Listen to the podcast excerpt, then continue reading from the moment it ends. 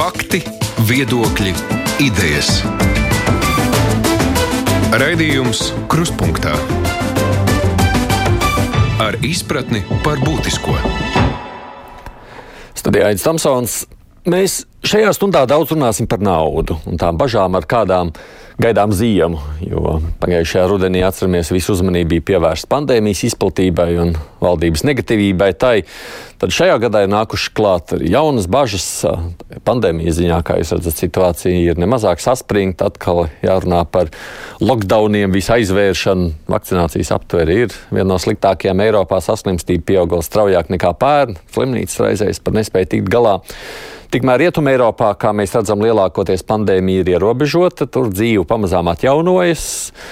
Tas ir viens no iemesliem, kāpēc arī pieaug pieprasījums pēc energoresursiem. Mums pagājušā nedēļā bija diskusija par daudziem iemesliem, kādēļ elektrības un dabasgāzes cenas sit nebijušas rekords. Bet nu, tas viss nozīmē, ka paliek dārgāk. Īpaši tas attiecas uz siltumu, elektrību, kas ziemā ir visaktuālāk.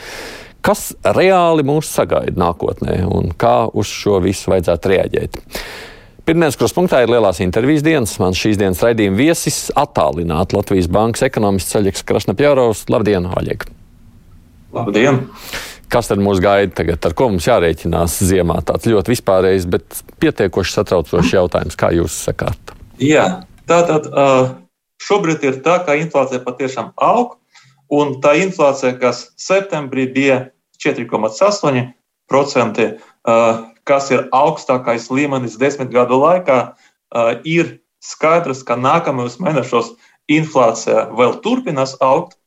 Un šobrīd ir tā, ka inflācijas virsotni mēs prognozējam šā gada beigās, nākamā gada sākumā nedaudz virs 5%, un pēc tam 22. un 23. gadā inflācija pakāpeniski samazināsies. Un tad, protams, ir jautājums, kāpēc tieši tagad augt uh, inflācija, un, protams, tas ir tāpēc, ka, uh, tāpēc, ka ir energo resursu un izaivielu globālu cenu kāpums, bet kāpēc tas ir? Tāpēc, ka liels pieprasījums pēc energoresursiem. Uh, un kāpēc liels pieprasījums? Tāpēc, ka par spīti pandēmijai mums joprojām ir diezgan augsta ekonomiskā aktivitāte. Un kāpēc mums ir ekonomiskā aktivitāte? Tāpēc, ka valdības atbalsts ir. Ja? Tad šobrīd mēs pat, patiešām varam uzskatīt, ka pašreizējais izlaicīgs inflācijas uzliesmojums, šis uzliesmojums pat, pat, patiešām uh, būs izlaicīgs. Es gribētu to uzsvērt šeit. Uh, tas lielā mērā ir vienīgā valsts atbalsta blakus produkts. Uh, bet vai mums ir alternatīvas? Vai tad bez valsts atbalsta ekonomikai uh, nu, uh, kaut kas izmainītos. Ja tur nē, bez valsts atbalsta būtu vēl sliktāk, uh, un visticamāk, bez valsts atbalsta mēs piedzīvotu līdzīgu bedri kā globālas finanšu krīzes laikā 2009. gadā. Jo uh, kad sākās tā pandēmijas krīze, tad par to viss liecināja par to, ka šī ekonomiska krīze patiešām būs ļoti liela, jo atlaišanu ātrums, ar kuru 20. gada aprīlī, kas Latvijā bija, ja tas bija ļoti līdzīgs 9. gada krīzes augstākajam punktam, un ja nebūtu valsts atbalsta, mēs ļoti drīz sasniegtu 20% bezdarba līmeni, kas būtu ļoti līdzīgs tam, kas bija globālās finanšu krīzes laika 9. gadā. Uh, un pandēmijas sākumā ekonomiskās prognozes bija ļoti pesimistiskas. Uh, varu atgādināt, ka 20. gada jūnijā Latvijas Banka prognozēja, ka 20. gadā IKP samazināsies par 7,5%, bet uh, bija arī iespēja, ka ekonomikas kritums būs vēl lielāks - 14%. 14% tās ir tie paši 14%, kas bija 2009. gadā. Bet īstenībā izrādījās, ka ekonomikas kritums 20. gadā bija nevis dziļāks, bet otrādi. IKP nokrita tikai par 3,5%. Uh, kāpēc? Tāpēc, ka šoreiz jostu savilkšanas vietā tika piedāvāti vairāki, vairākas atbalsta programmas, kas ļāva uzņēmumiem paturēt darbiniekus pat būtiski samazinoties apgrozījumam. Un tāpēc arī mēs redzam, ka mums Latvijā bezdarba līmenis šogad auga Uh, no 6 līdz 8 procentiem. Oļeg, vai es pareizi saprotu, ka tas mazliet kaut kur atgādina tās sarunas 2008. un 2009. gadā, kad bija runa par devalvāciju? Labi, toreiz nevarēja atļauties un vispārējais. Es ne, ne, neatgriezīsimies pie šī jautājuma, bet zināmā mērā nu, šī ir tāda. Nu, devalvācija cenas aug, nu, līdz ar to vienkārši izmaksas būs dārgākas. Uh, ne, uh, par, par to, ka bija 8. un 9.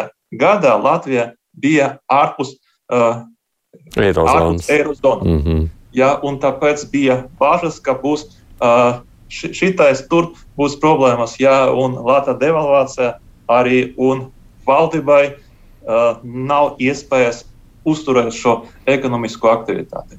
Šobrīd mēs esam Eirozonā, tur iekšā procentu likmes ir zemas, tāpēc valdība var, var aizņemties uh, un ar to visu uzturēt šo ekonomisko aktivitāti. Un, un šī ir ļoti laba ziņa, bet kā blakus produkts, tad mums ir tā, um, tā nedaudz izlaicīgi. Uh, būs augstāka nedaudz inflācija. Bet tas jā? nozīmē, faktiski, nu, kā dārgākas cenas lielā mērā nozīmē mazliet naudas vērtības samazināšanos, jeb devalvāciju. Nav tā? Nu, es tā uh, cilvēciskā uh, izpratnē. Ar to, uh, ar to uh, bet, bet vienlaicīgi uh, Mums ir tā, ka nav ne, nekādā gandrīz samazinājuma pa ienākumiem. Jo ir tā, ka vidē alga turpina augt. Un pat uh, šogad pandēmijas laikā vidē alga tur aug par 10% jau. Uh, protams, ne visiem tā alga aug, bet, uh, bet, bet uh, vienalga valdībai ir iespēja celt algu pat šajos apstākļos, veselības aprūpē un izglītībā. Kā mums sacīja viens no klausītājiem, sacīja tā, nu, kad jau sadrukā naudu, kaut kādā brīdī jau tās cenām ir jākāpj, grib vai negrib. Ir tā, ka mēs mazliet sadrukājuši esam eiro, es domāju, Eiropas līmenī, un līdz ar to cenām ir mazliet jākāpj. Uh, tas, protams, ies uh, kopā ar to. Bet es vēlreiz gribu uzsvērt, ka šīs inflācijas uzliesmojums tas uh, būs ļoti izlaicīgs, un uh, inflācija nedaudz virs 5% tā nav liela problēma. Tas, ka šodien mēs uzskatām, ka vislielākā Latvijas problēma šobrīd ir inflācija, un mēs tāpēc uh, sākam mūsu sarunu tikai ar inflāciju, man, manuprāt, tā ir ļoti laba situācija, jo bez valdības atbalsta mums tagad būtu e- ekonomikas kritums, tāds pats kā 9. gadā, un bezdarba līmenis būtu 20. Protams, tad nebūtu inflācijas, bet tad mēs ar jums runātu nevis par inflāciju, bet par to, kā var, kā var izbeigt šo e ekonomikas kritumu. Kritum. Nu, bet drīkst es tagad piezemēšu mūsu sarunu uz mazliet uh, citādāku aspektu, lūkojoties uz to. Mums bija iepriekš brīvais mikrofons pirms ziņām, kurā zvanīja ļaudis pensionāri. Ļoti daudz sakot, nu, indeksācija tikko bija. Nu, kas nu tā par indeksāciju? Tur pielika 13 eiro klāt. Mums algas, ja cenas aug, mums jau ir šobrīd par dzīvokli mēnesī jāmaksā krietni vairāk nekā tie 13 eiro, nerunājot par preču un visām pārējām cenām. Salīdzinot ar to 2009. gadu, pensionāri jau tur tos zaudējumus, atceramies, pateicoties vēl satversmes tiesas spriedumam, nekādi neizjuta.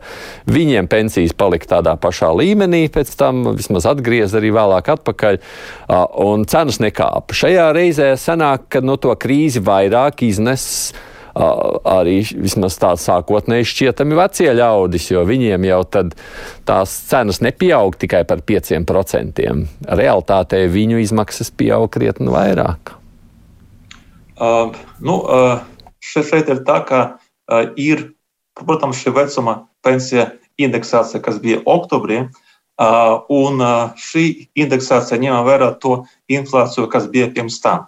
Ja? Uh, tā kā tieši šobrīd augsti uh, tie vi, visi komunālie pakalpojumiem, elektrības, siltumenerģijā, tad, tad šī inflācija tiks ņemta vērā Uh, pēc gada, tās, pēc gada, pēc gada. Kas, kas būs nākamā gada.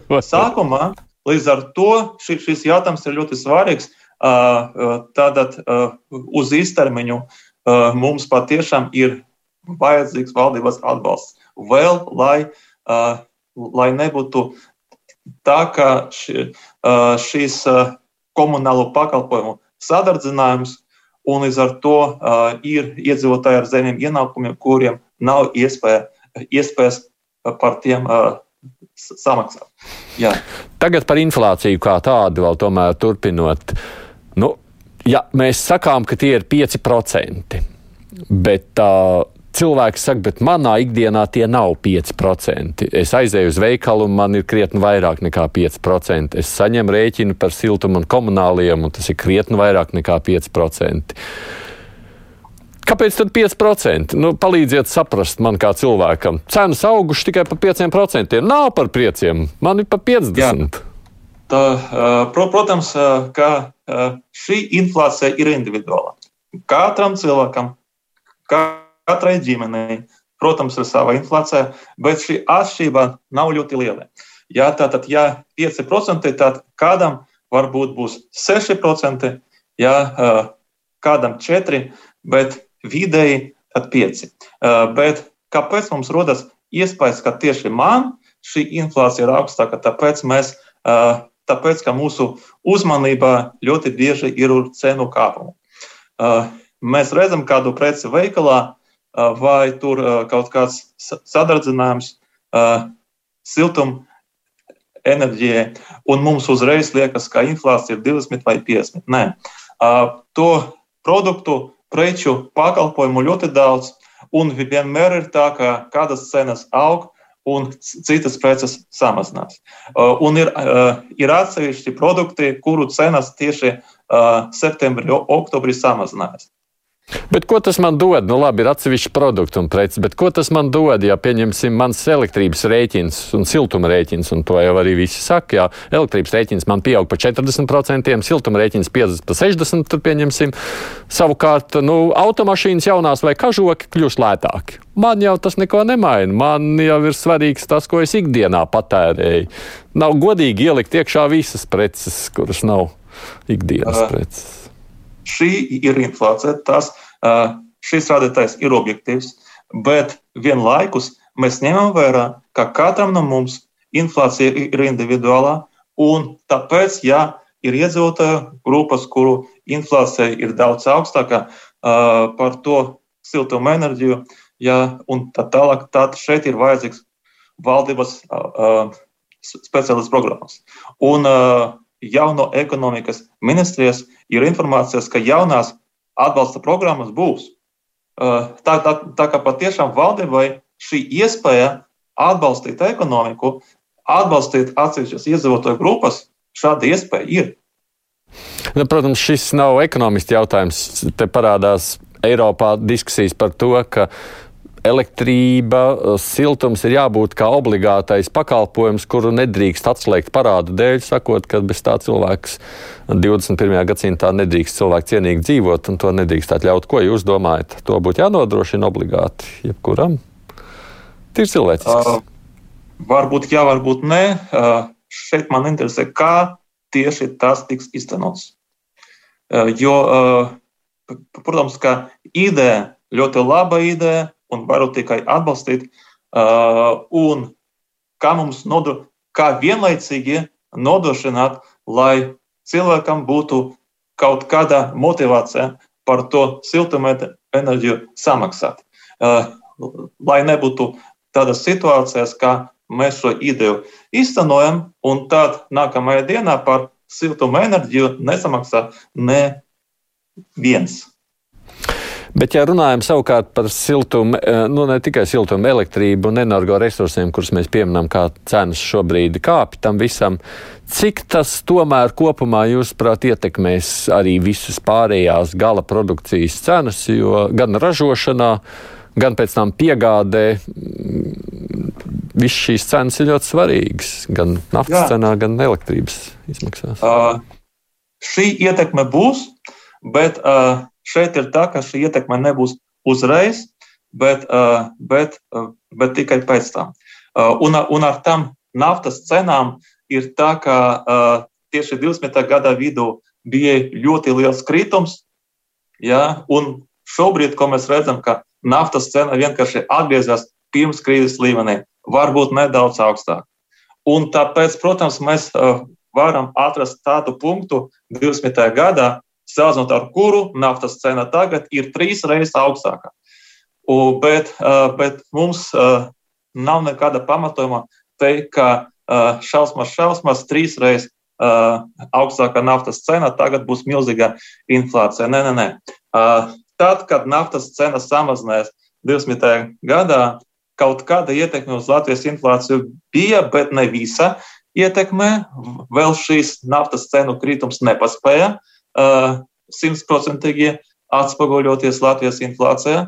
Un līdz ar to šobrīd, kad naftas cena atgriezās pirms krīzes līmenī, uh, nu, atkal, ja, uh, kaut kas ir vēl, uh, vēl ņem vērā to cenu, naftas cenu, kas bija pirms krīzes. Ja, tad tā kā šeit nav nekāda pamata mums uzskatīt, ka ja uh, kaut kādas izaivielas, uh, izaivielas vienu dienu var cena samazināties, pēc tam pieaugt, pēc tam ātrāk pēc tam atkal samazināties. Ja kaut kas pieauga trīs reizes no izaivielām, tas vēl nenozīmē, ka, inf, ka arī inflācija patēriņu cenu līmenis būs trīs reizes augstāks. Nu, trīs reizes, protams, nē, bet jūs esat diezgan optimistisks, sakot, ka jūs prāt tās cenas nākošajā gadā atkal kritīs.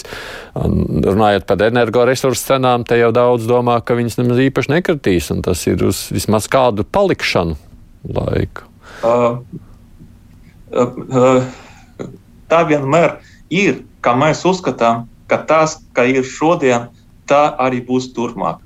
Jo 20. gada vidū, kad tā naftas cena uh, bija ļoti zemā līmenī, tad visi teica, ka viss naftas era ir uh, beigusies. Vienmēr naftas cena būs zema. Uh, kādu faktoru dēļ? tad naftas cena var augt. Un visi tur analītiķi, ekonomisti, komercbankas, Latvija, ārpus Latvijas, visi prognozēja, ka naftas cena būs zema. Šobrīd uh, kaut kādu iemeslu dēļ, par, par kuru es teicu raidījuma sākumā, ka valdības atbalsts uh, uzturēja šo ekonomisko aktivitāti, pieprasījumu pēc naftas, naftas cena atkal ir augstāka, ja, Un šobrīd, nu, nu jā, pirms tam jau šo gadu naftas cena auga. Tad visticamāk, arī nākamgad naftas cena augs. Atkal, varbūt jā, varbūt nē. Uh, mums visu laiku liekas, ka, uh, ka kas, tas, kas pēc tam būs, tad, tad mm. tas būs tieši tāds pats. Nu, naftas, bet, par naftas varbūt jā. vēl es saprotu, ir dažādas domas, bet par elektrību gan saka, ka visticamāk nu, mēs viņu ļoti lētāku nesagaidīsim tuvākajo gada laikā. Tā vismaz te man skaidroja uh, eksperti, kas bija studijā, uh, enerģētikas eksperti. Bet runājot par inflāciju, tā ir tikai Latvijā, cik, da, vai arī nu, cik lielā mērā tā ir problēma šobrīd Eiropā parādās? Mm -hmm.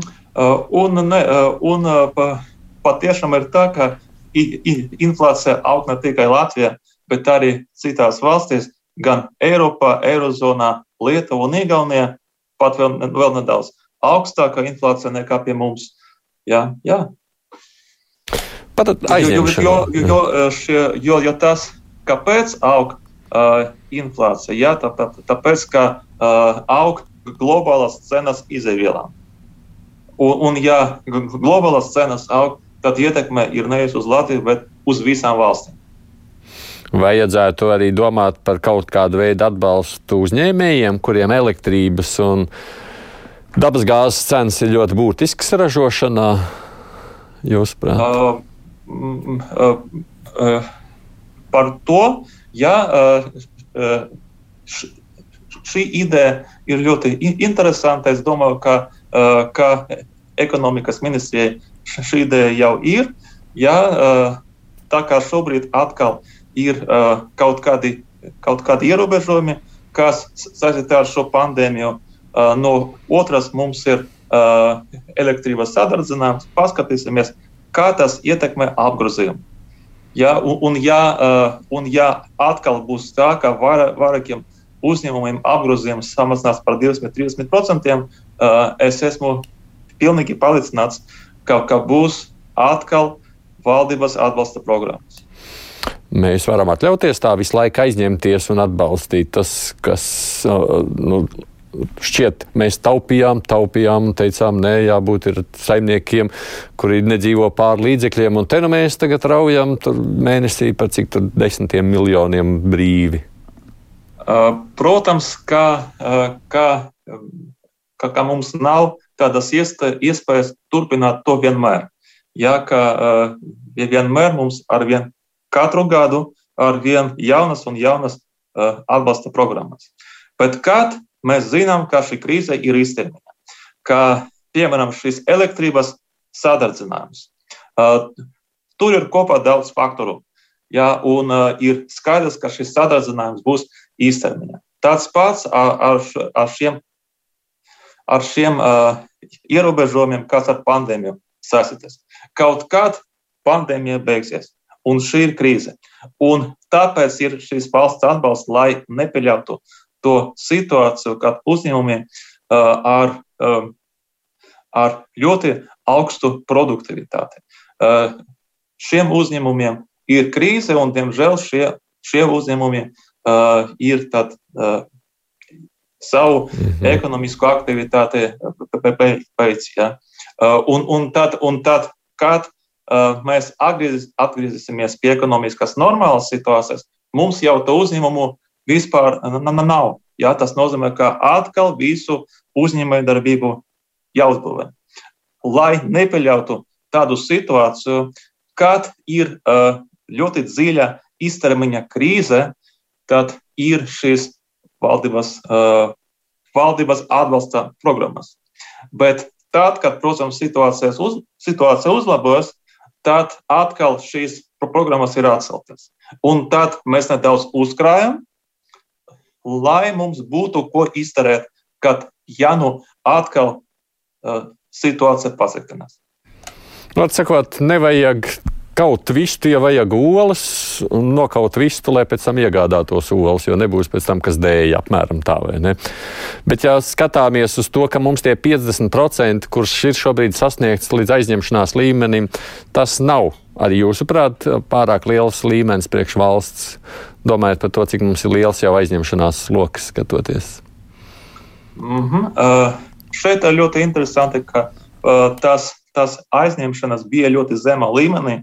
Un mēs redzējām, cik ātri uh, tā, tā, to, uh, tas aizņemšanas pret IKP var augt. Gan uh, šajā pandēmijas krīzē, gan arī iepriekšējā krīzē, 2009. gadā.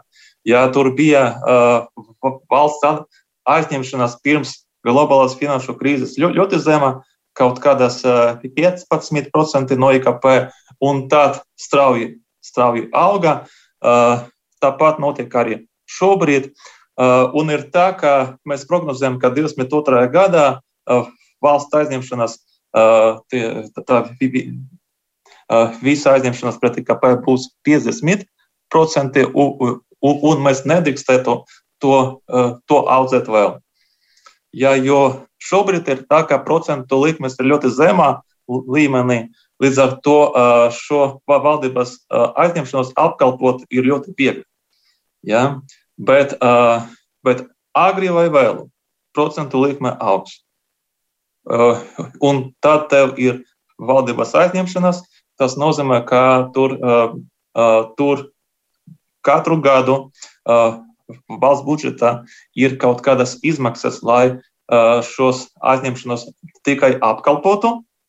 Un uh, lai nav tā, ka um, mēs par šo valdības aizņemšanās apkalpošanu samaksājam tik daudz, cik mēs šajā gadā samaksājam par visu veselības aprūpi vai par visu vidēju iz, iz, izglītību. Ja? Bet vai 50% arī pat nav pārāk daudz pret IKP? Uh, nu, šobrīd ir tā, ka tieši 50% ir tā ro robeža, uh, kas vēl tā kā nav ļoti daudz, bet nav, nav, nav arī tā, kā mēs varam vēl audzēt to. Jā, tā kā kaut kur pie 50% mums būtu jāizbeidz.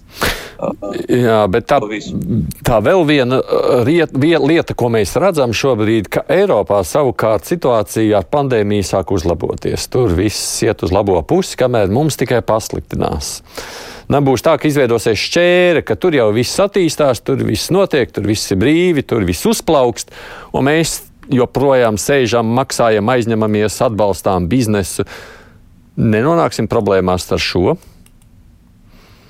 Uh, bet uh, šeit uh, mēs varam atgādāt, kas bija iepriekš. Kas bija iepriekš 20. gadā, kad uh, visā Eiropā, tīpaši Dienvidu Eiropā, ja bija ļoti lieli ierobežojumi, uh, tātad ļoti būtiski samazinājās tā ekonomiskā aktivitāte Itālijā, Grieķijā un tā tālāk. Un tur Bija tie ierobežojumi un bija IKP kritums, bet pie mums ne.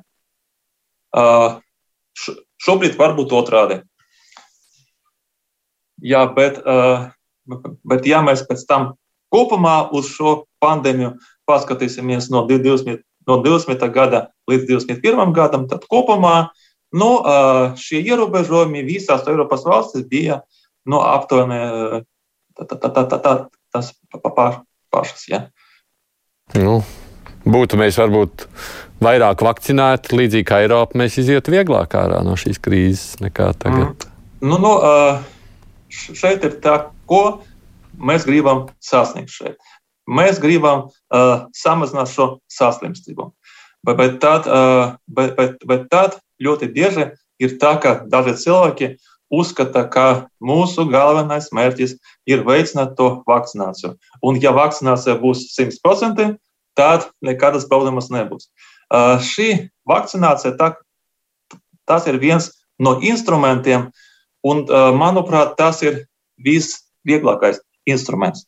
Jo paskatīsimies uz to, kas notiek šobrīd Latvijas izglītības sistēmā. Tātad mēs zinām, ka tur izglītībā ir samilzušas problēmas ar to izglītības kvalitāti visos posmos, vidē izglītībā, profesionāla izglītībā, augstākā izglītībā. Tagad mēs par to visu aizmirstam. Ja? Un šobrīd vienīgais relatīvais rādītājs ir tāds, ka vēl vienu dienu, vēl vienu nedēļu izglītība ir klātienē vai attālināta. Viss, nekādu citu problēmu mums ir kā nav. Nu, atkal, ja? uh, mēs jau zinām, ka izglītības sistēmā ir problēmas ar kvalitāti. Mums uh, vienlaicīgi ar pandēmijas apkarošanu mums ir uh, jāmēģina uzlabot to izglītības kvalitāti. Lai nav tā, ka šobrīd ir ļoti lieli valdības izdevumi, kas vērsti tieši uz to pandēmijas apkarošanu, veselības aprūpē un izglītībā. Un, tad, un tad tas ir valdības, valdības aizņemšanās aug, un, un mēs jau sasniedzam tos 50% no IKP. Nu, un tad mēs varam, un ja nu gadījumā 22. gadā pandēmija izbeigsies, ja, tad kas mums būs? Uh, tikpat švaka izglītības kvalitāte, kā bija pirms pandēmijas. Uh, Līdz ar to šobrīd mūsu ar to visu pandēmijas apkarošanu mums ir jādara kaut ko arī, lai celtu izglītības kvalitāti. Arī. Nu, viens no tādiem blakus produktiem, kas tagad parādās, um, ir fakts, ka pedagogiem obligāta vakcinācija. Nu, kādi, kas negribēs vakcinēties, ies prom no pedagoģijas, nu, varbūt tas uh, jautājums par skolotājiem šādā veidā atrisināts tiks. Nu, jā, nu, nu, atkal šis jautājums obligāts. Ja ir uh, šis vārds obligāts, tad, tad diemžēl, daži cilvēki var uzskatīt, ka mūsu visvairākais mērķis ir vakcinēt pēc iespējas vairāk, lai būtu 100%. Bet vakcinācija, kā jau teicu, tas ir viens no instrumentiem. Ja? Uh, un, un, bet, bet, bet to, ko mēs gribam, izdarīt, ir šo, šo saslimstību ierobežot. Nu, jā, bet vakcinācija mums ir. Es saprotu, jūs pats arī neesat vakcinējies. Jo, jo mums radio tieši tāpēc esam attālinātā sarunā, ka jūs arī neesat vakcinējies. Jūs, jūs iebilstat vispār pret obligāto vakcināciju. Kāds ir tas jūsu attieksme pret šo? Uh, nu, pa, par, to, uh, ne, pa, par to, ka uh, uh, šī vakcinācija, jā vai nē, uh, būtu ideāla, ideāla situācija, ja, tā, ja šī izvēle būtu brīva. Ja? Jo šī informācija, objektīva informācija par to, kāda šī saslimstība ir un kāda šī vakcinācija ir. Un, un tur var būt kaut kādi blakus efekti no tā, gan no tās saslimšanas, gan no tās vakcinācijas. Šī informācija, objektīva informācija internetā ir. Ja? Un tad jeb, jebkuram iedzīvotājam ir, ir iespēja izlemt tās vai tās. Tā būtu ideāla. Nu, līdz šim jau tā bija. Līdz šim jau tas tā arī bija. Līdz šim obligātā vakcinācija parādījās tikai un, pēdējā mēneša nu, laikā. Jā, un, bet, bet es uzskatu, ka, šī, ka, ka tā ir lielā mērā uzpūsta problēma. Nav tādas problēmas vakcinēties vai nē mēs uh, vislabāk būtu tā, ka mēs visi ietu vienā virzienā, lai uzlabotu izglītības kvalitāti, lai uzlabotu veselības aprūpes kvalitāti. Un, piemēram, izglītības kvalitāti var uzlabot neatkarīgi no tā, vai izglītība ir klātienē vai attālināta. Varbūt vidusskolā šis jautājums ir aktuāls, bet augstākajā izglītībā universitāte ir tīpaši, ja šiem studentiem ir ļoti laba motivācija, uh, apgūt jaunas prasmes, kompetences. Tad tas, vai ir klātienē vai attēlināti, vispār nav, ska, uh, vispār nav pat uh, vispār nav svarīga lieta, jo, jo, jo man kopš septembra sākuma jau studenti saka, ka varbūt uh, šīs jūsu, jūsu priekšmets mēs varam. Uh, Mēs varam to apgūt attēlināti, jo, jo tā mums būtu ērtāk. Jūs arī pasniedzat universitātē? Latvijas universitātē, jā. Mm. Nu, kā tad tagad no šodienas jau nevar vairs? Nu, man, man, man, man ir tā, ka uh, uh, tur uh, ir, nu, nav tā, ka uh, tur man uh, ir uh, šis kurs vienmēr. Uh, septembrī ir, un pēc, tam, uh, un pēc tam nav, un pēc tam atkal ir. Uh, un man līdz ar to uh, tieši oktobrī uh, nav. Mm. Ja? Jā, bet, bet, bet, bet no studentu puses, ja studentu, studenti katru gadu tev sūdzās par izglītības kvalitāti Latvijā, studenti tev sūdzās. Un tu, nu, nu, ko tu vari izdarīt? Uh, jā, uh, nu, uh, bet, bet šis uh, šobrīd vienīgais jautājums, kas tiek apspriests klātienē vai attālināti. Vai šis jautājums vispār ir svarīgs? Manuprāt, nē. Nu, vairs jau pat netiek apspriests šobrīd lēmums pieņemts, un nu, jau laikam vairs izvēles lielas nav. Jums jau arī būs jāizvēlas, vai nu jūs vakcinēsieties un tālāk kaut ko darīsiet, vai uh, neko. Ja, lēmums pieņems, bet vienalga būs ekspertu grupas, kas kaut ko pateiks, ka es gribu vēl striktāk, es negribu šo kaut kāda diskusijas būt. Man šis vakcinācijas jautājums vispār nav svarīgs. Es varu vakcinēties, es varu nevakcinēties. Man uh, tas vispār nav svarīgi. Uh, šis uh, jautājums nav tik svarīgs, uh, lai par to runātu, lai to apspriestu. Mums ir jāmeklē to, ka, kur mēs e, visi varam iet vienā virzienā. Mēs varam vienoties par to, ka mums jāpaukstina izglītības kvalitāte visos posmos. Vide izglītība, profesionālā, augstākā izglītībā vai veselības aprūpes kvalitāte. Arī tāds pats. Ja? Bet, bet, uh, bet tagad mums ir viens vissvarīgākais jautājums, vissvarīgākais, uh, vissvarīgākā problēma, bet, uh, bet, bet mums ir ļoti daudz citu problēmu. Es atgādinu, šis ir um, saruna šodien ir ar Oļegu Krasnopjoru, kurš ir Latvijas bankas ekonomists. Raidījums Krustpunktā. Es par darba tirgu gribēju runāt, un ņemot vērā, ka tā situācija šobrīd darba tirgu ir saistīta ar vakcināciju, mēs redzam, ka viena daļa ļaužu soli tur pamest darbu. Uh, cik lielas pārmaiņas jūs paredzat, ka mēs varētu redzēt tagad darba tirgu tuvākajā laikā? Uh, nu, uh, šobrīd ir tā, ka, uh, nu, kā, kā jau teicu, dēļ tā, ka mums ir valdības atbalsts liels. Ja? Uh, tā kā mums valdībai ir iespēja uzturēt to ekonomisko aktivitāti augstu. Un, ja nu gadījumā būs jauni ierobežojumi, es esmu pilnīgi pārliecināts, ka būs vēl papildus atbalsta programmas. Uh, šobrīd ir tā, ka pa, kopš pandēmijas Sākumā bezdarba līmenis auga no 6% līdz 8%.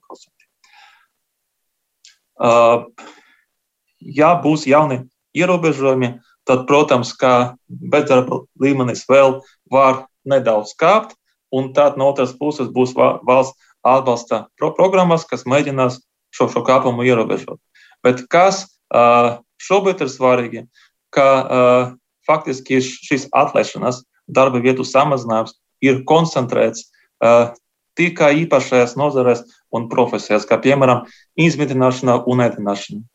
Un ir citas nozares un profesijas, kurās joprojām ir li liels pieprasījums. Uh, rūpniecība, būvniecība, informācijas tehnoloģijas, izglītība, veselības aprūpe. Nu, izglītība, veselības aprūpe un vēl daži pieminētie tie, kuriem savukārt tieši tādā ir paredzēta, nu, faktiski neizbēgama šī obligātā vakcinācija. Kur jūsuprāt šie bijušie mediķi, pedagoģi, ugunsdzēsēji, sociālie darbinieki, no visiem, kuriem valsts pārvaldes darbinieki, kur, kuriem nebūs iespēja turpināt darbu, tāpēc, ka viņi atsakās vakcinēties, kur viņi varētu doties, kas varētu notikt ar darba tirgu? Atkal. Es neuzskatu, ka šī obligāta vakcinācija ir kaut kāda problēma. Kā no tā kaut kas izmainīsies. Ja? Nu, cilvēki, uh, bet, cilvēki, bet, bet, daļa cilvēku saka, ka viņi zaudēs darbu. Nezinu, protams, es tādu izsaku tikai jautājumu, kurus arī nevaru atbildēt. Ja, protams, jo, protams, jo ja ir kādi cilvēki, kas uh, atsakās, šo, kas atsakās vakcinēties, kas atsakās vispār, vispār, vispār atsakās no vakcinācijas, uh, tad, protams, viņi šobrīd, pēc 11. oktobra, viņi uzreiz saka, ka, ja, ja būs vakcinācija obligāta, es iešu prom. Viņi tā saka. Vai viņi to izdarīs vai neizdarīs, tas nav skaidrs. Līdz ar to uh, mēs varam atgriezties pie šī jautājuma pēc 15. novembra un paskatīties, kāda ietekme no tā ir. Jūs domājat, ka pārāk daudz tādu nebūs? Nu, proti, ka tā ietekme nebūs tik liela. Um, pat ja kaut kāda ietekme, pr protams, ka liela ietekme nē, bet ja būs ietekme, tad būs jaunas valsts atbalsta programmas. Protams. Par skolām mēs te mazliet pieminējāmies. Es tieši no tāda darba spēka viedokļa, lūkojoties uz šo, kāpēc ir tā, ka no vienas puses mums saka, ka pedagoģi ir pārlieku daudz, salīdzinoši ar Eiropas valstīm, mums, laikam, uz vienu bērnu ir daudz vairāk skolo, skolotāju nekā citur vidēji Eiropā. Savukārt skolas sūdzas, ka mums pedagoģi trūkst, jo visu laiku meklē, jo trūkst skolotāju. Kāpēc tāda šķēre? Mm -hmm. nu, jā, tāpēc šī situācija, kas pie mums ir izveidojusies, ka katru gadu no 2000. gada jau skolēnu skaits samazinās. Un skolēnu skaits samazināts daudz ātrāk par skolotāju skaitu. Un līdz ar to skolēnu skaits uz vienu skolotāju samazinās. Un līdz ar to, nu, tā kā, bet tā kā daudz skolotāju un tā kā mēs iztarējam uz šo video izglītību ļoti daudz, tad nav iespējas skolotāju algu nu, tā uzreiz celt. Ja? Un, un tad veidojas šī situācija, kad ir brīvās darba vietas skolotājiem, bet viņi meklē skolotājus par zemu algu. Viņi meklē, meklē, ilgi meklē un nevar atrast. Daudz brīvu darba vietu, no otras puses šī, šī alga nav augsta, līdz ar to skolotāju atrast ir ļoti grūti. Tad, ko mēs šajā sakarā varam izdarīt? Vēl akt, aktīvāk apvienot skolas. skolas Jā, un tad patiešām, pat, patiešām, lai būtu tā, ka skolotāja alga būtu vienā no visaugstākajām algām, kas Latvijā vispār ir. Ja tās tā būs, ja patiešām jebkurš cilvēks gribēs strādāt par skolotāju, varbūt ne pilnā slodze, puslodze, tā kā, nu, ot, kā es, piemēram, man ir pilnas slodzes darbs, un vēl es puslodzi strādāju Latvijas universitātē. Ja? Jo, jo man ļoti patīk tur būt, strādāt kopā ar studentiem. Ja būtu šī informācija, ka mums ir kaut kāda laba vidusskola ar izciliem skolo, uh, skolēniem, kur ir vajadzīgs skolotājs ekonomikā. Tad es arī tur ietu, protams. Ja? Un, tad, un tad mūsu uzdevums ir izveidot tādu sistēmu, ka nav tā, ka, lai strādātu skolo, skolā, katram ir jābūt skolotāju izglītība, bet būtu, bet būtu šī sistēma, ka vislabākie speciālisti no, no, no katras jomas viņi labprāt ietu, ietu uz to skolu. Hmm. Uh, nu, jā, jo, jo, jo, jo šobrīd ļoti bieži ir tā, ka vidē izglītība un arī augstākā izglītība uh, ir tā, ka vienkārši ir mācību grāmata, un tu šo mācību grāmatu izlasīji, un tu vari šo vi, visu uh, citiem cilvēkiem atstāstīt. Un tu tad esi skolotājs. Bet, ja tu esi skolotājs, kas, uh, kas, uh, kas pats šai jomā visu izmēģināja, tad, tad protams, tā pievienotā vērtība skolotājiem būs vēl augstāka. Nu, ir, protams, skolas, kuras arī piesaista šādā veidā cilvēks no malas bez pedagoģiskās izglītības, bet nu, tas, protams, ir drīzāk tāds viesu skolotāji uz konkrētiem līgumiem, konkrētiem Jā, priekšmetiem. Un, un, un, protams, ka šobrīd to skolotāju nu, tā kā maz ir. Jā. Maz gan, jā. Un, un neskatoties uz to, kā speciāla, speciāla pro, pro, programma, tu, tu, tur viņam speciāla stipendija pat ir. Ja mēs paskatīsimies uz to, cik skolotāju Latvijā ir vajadzīgi, cik skolu mums ir, tad, tad, tad, nu, tad šo, šo cilvēku skaits, kas, kas sasniedzot kaut ko savā jomā, labprāt pēc tam iet uz skolu, šo cilvēku skaits šobrīd, diemžēl, ļoti mazs. Par darbu un bezdarbu runājot, savukārt tā, tālākās ilgtermiņa prognozēs lūkojoties, kas notiks ar darba roku trūkumu un bezdarbu. Nu, kaut vai kādā desmit gadu periodā, kādas perspektīvas jūs iezīmētu? Jā, nu tad atkal šeit veidojas situācija tāda pati, kā bija pirms pandēmijas. Mums no vienas puses ir tie cilvēki, kas grib strādāt, No otras puses, mums ir brīvās darba vietas, kas nav aizpildītas, uh, bet viņiem ir, ir uh, nepieciešami cilvēki ar īpašām prasmēm, kompetencijām, zināšanām, ja, un viņi meklē, meklē to cilvēkus un nevar atrast. Ja. Un tas, un tas atspoguļo prasmju neatbilstību, protams, kas mums joprojām Latvijā ir, un tas atspoguļo arī izglītības kvalitāti. Ja, jo, jo it kā tas, tas visas programmas saucās vienādi bakalaura programma, maģistra programma, doktora programma, bet, bet mēs ļoti labi redzam, kā atšķirās studiju kvalitāte pa Latvijas augstskolām. Un, un šogad ļoti labi, ka Izglītības un zinātnes ministrijā publicēja absolventu monitoringu. Ja? Cik lieli ienākumi ir dažādu augstskolu absolventiem.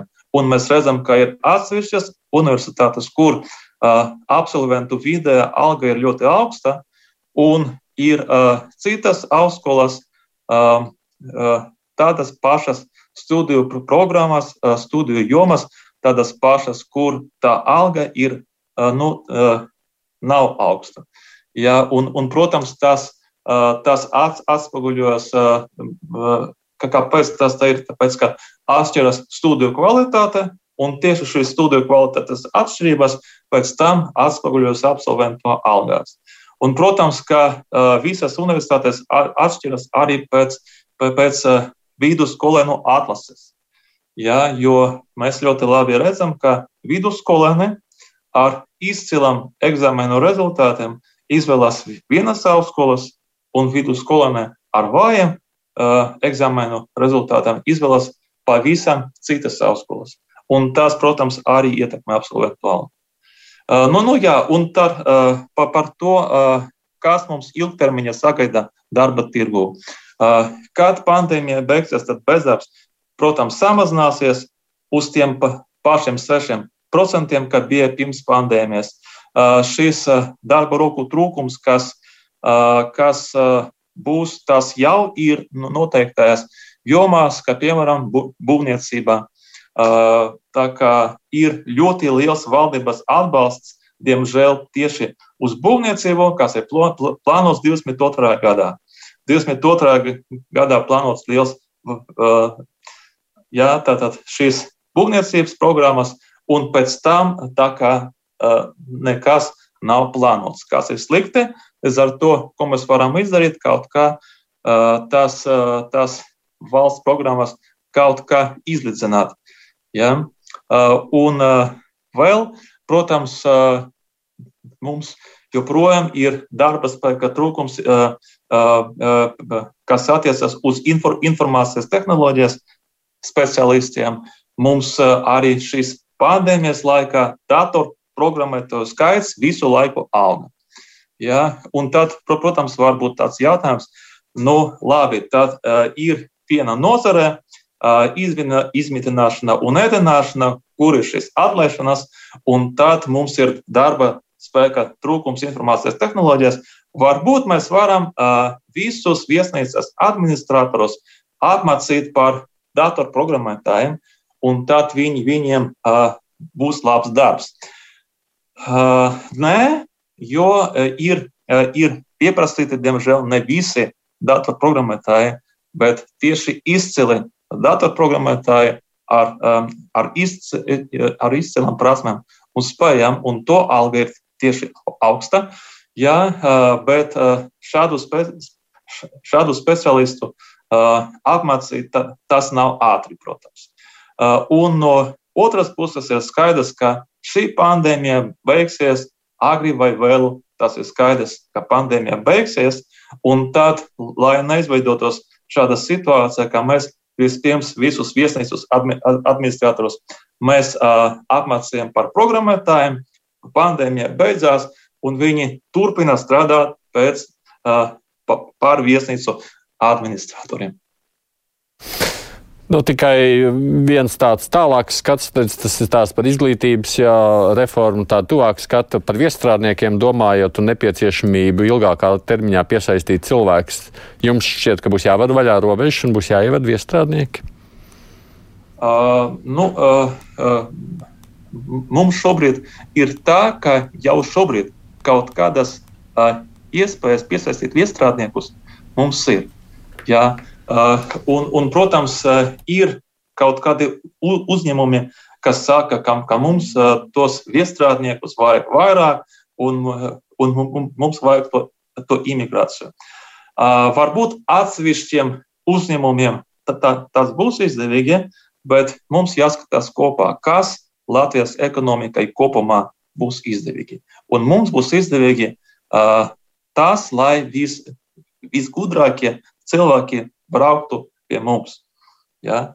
Bet tad ir jautājums, kā piesaistīt no citām valstīm visgudrākus cilvēkus, ņemot vērā, ka arī citas valstis, tā ir skaitā ļoti attīstītas valstis, kā Lielbritānija, Vācija, ASV, tur arī darbojas līdzīgas programmas, kā piesaistīt visgudrākus cilvēkus no citām valstīm. Tad, ja mēs patiešām gribam lai šī imigrācija attīstītu mūsu ekonomiku. Tad, tad, tad mums ir jābūt speciālas programmas, kas piesaista visgudrākus cilvēkus. Neiebraukšu tālāk, jo dziļāk nav laika. Man ir tikai pāris, trīs minūtes palikušas. Es gribēju vēl vienu jautājumu, tādu nepārāk uh, dziļu, bet pajautāt uh, par Lidlu ienākšanu Latvijā, mazumtirdzniecības ķēdi. Jūs prāt, cik tas izmainīs uh, tirzniecībā kaut ko Latvijas tirgū? Nu, manuprāt, uh, uh, tam, protams, būs ietekme uz inflāciju. Un šī ietekme jau ir un, un vēl pat šī ietekme uz inflāciju bija vēl pirms šī notikuma, jo ja ir ziņas par to, ka, ka šobrīd mēs varam, šobrīd ir kaut kāds mazuma tirdzniecības uzņēmums Latvijā, kam konkurentu nav, viņš tā uzskata. Jā, ka, bet, bet viņam parādās ziņa, ka drīz tev šis konkurents varbūt būs, varbūt nē, Ko tu izdarīsi? Tu, uh, uh, tu samazināsi inflāciju jau šobrīd, vai ne? Lai šim konkurentam nebūtu nekādas motivācijas uh, šeit būt. Ja? Uh, un, un tad es uzskatu, ka šī, šī ietekme uh, inflāciju jau ir, uh, un gan bija pirms tam, gan šodien ir, uh, un vēl būs, bet atkal šī ietekme nebūs ļoti ļoti liela, ka tas šobrīd mēs prognozējam inflāciju virs 500%, un, un tagad šī iemesla dēļ tagad inflācija būtiski samazināsies. Nē, Bet kaut kāda ietekme no tā ir. Nu, valstiski varbūt mazāk, bet nu, tādā cilvēka maciņu ziņā jauna tirgotāja, jauna konkurence, jā, izteiktāk, jā, ir ieguvums jā. cilvēkiem. Jā. jā, protams. Laiks vairs nav jautāt jaunu, neko arī nepajautāšu. Paldies, es jums saku par sarunu. Mums šī bija Paldies. intervija ar Latvijas bankas ekonomistu Aļiku Krasnapjārovu. Viņš arī Latvijas universitātē, kā dzirdat, pasniedz. Paldies par iesaistīšanos. Procentu kruspunktā ir revijunām, studijā biju es, Aidis Tomsons.